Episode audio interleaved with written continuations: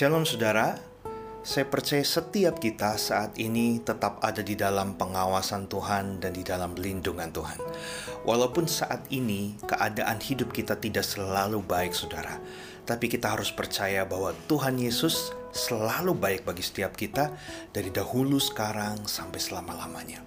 Saudara, kalau kita mau melihat keadaan dunia saat ini, banyak sekali anak-anak Tuhan, bahkan setiap kita, mengalami yang namanya kebingungan, kekhawatiran, saudara, ketakutan, apalagi kalau berbicara tentang masa depan, saudara.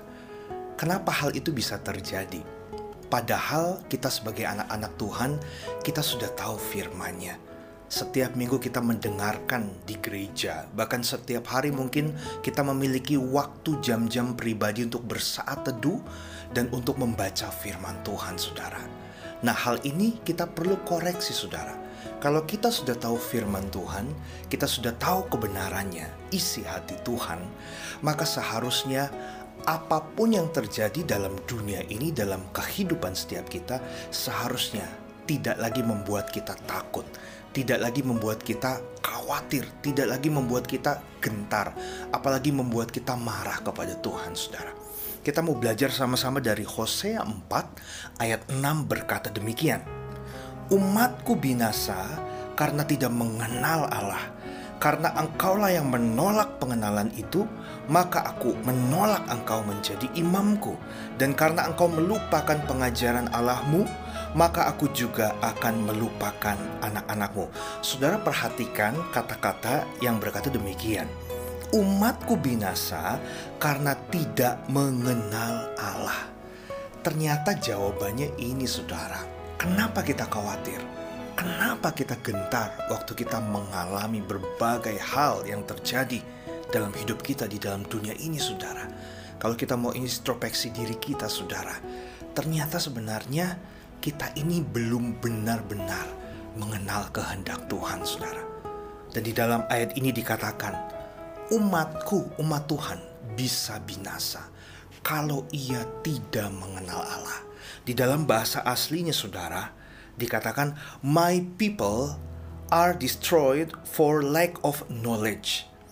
Kata lack ini yaitu kurang, kurangnya pengetahuan.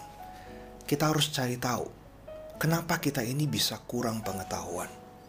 Pada waktu kita membaca firman Tuhan, Apakah firman Tuhan itu hanya sekedar kita baca saudara? Hanya sekedar untuk memenuhi setiap hari harus selesai lima pasal, kejar target saudara? Atau hanya sebagai rutinitas belaka saudara? Nah saat ini kita harus ubah saudara Bahwa saat kita membaca firman Tuhan kita harus bisa menyelidiki, kita harus bisa memahami, kita harus bisa mempelajari dengan baik, saudara. Karena semuanya itu saudara sudah ditulis di dalam Alkitab. Dari awal dunia ini ada, diciptakan, sampai kepada dunia nantinya akan berakhir, sampai kepada kedatangan Tuhan Yesus kembali ke dunia ini saudara. Semuanya sudah dicatat di dalam Alkitab.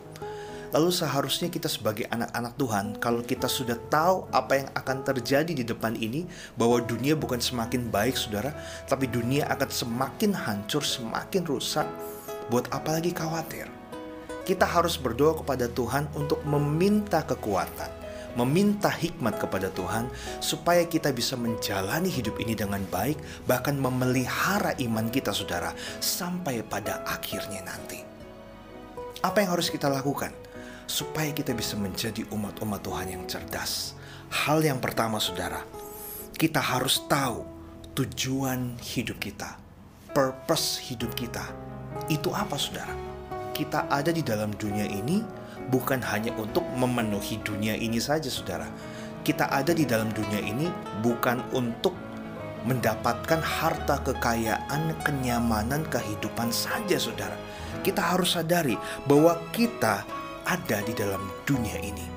Kita dijadikan Tuhan supaya kita bisa mengerti kehendak Tuhan dan kita bisa menjadi pelaku firman Tuhan. Efesus 5 ayat 15 sampai 17 berkata demikian Saudara.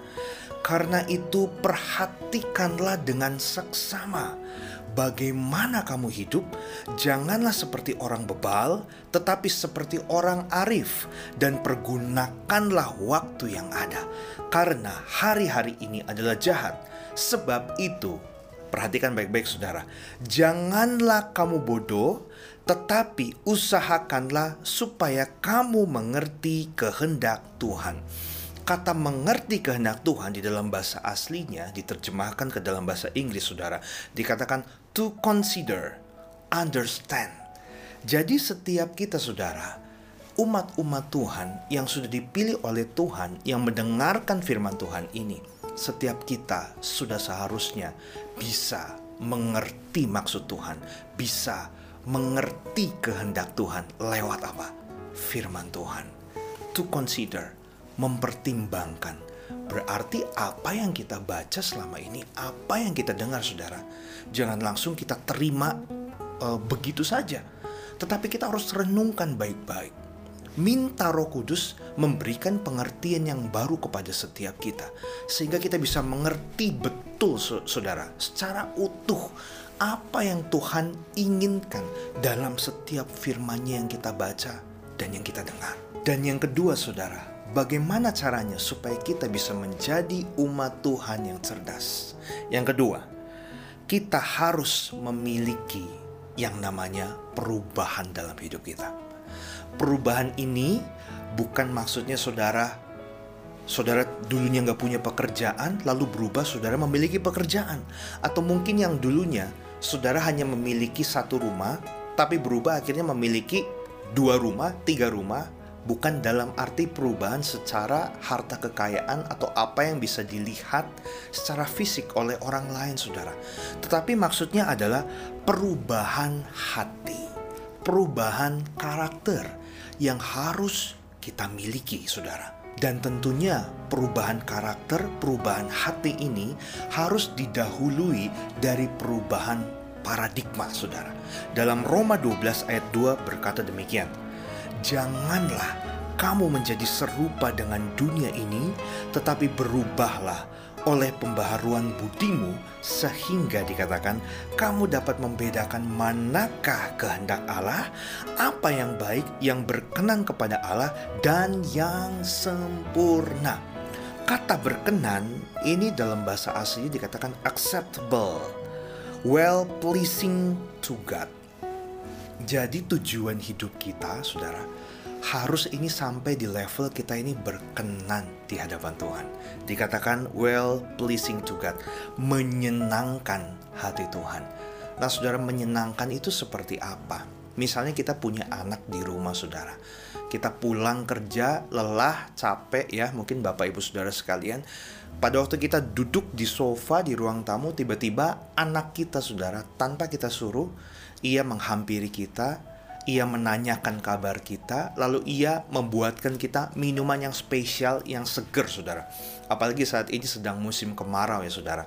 Nah itu tentu kita akan senang, menyenangkan. Sikapnya itu mengetahui apa yang orang tua butuhkan. Nah ini juga sama dengan keadaan kita sebagai anak Tuhan dan juga Tuhan kita, saudara. Tuhan mau kita ini bisa menyenangkan hati dia, menjadi anak yang nyenengin hati Tuhan. Karena apa? Kita mau melakukan apa yang jadi kehendak Tuhan tentu lewat firman Tuhan. Dan dikatakan dan yang sempurna sempurna. Ini adalah berbicara tentang karakter yang full Bapak Ibu Saudara sekalian yaitu sebagai pengikut Kristus yang sempurna. Jadi tujuan kita pada waktu kita membaca firman Tuhan adalah supaya semakin hari hidup kita disempurnakan, memiliki karakter Kristus. Nah, saudara, ini adalah goal daripada kekristenan, yaitu kita pengikut-pengikut Kristus. Karena itu, saudara, jadilah umat-umat Tuhan yang cerdas, terutama di dalam situasi seperti ini. Jangan takut, jangan bimbang yang pertama saudara tadi ingat kita harus tahu tujuan hidup kita, purpose kita. Yang kedua, kita harus mengalami perubahan dalam hidup ini makin hari makin disempurnakan sama seperti Yesus yang adalah sempurna. Dan saya percaya kita mampu memelihara iman kita sampai pada akhirnya Tuhan Yesus datang kembali yang kedua. Tuhan Yesus memberkati setiap kita.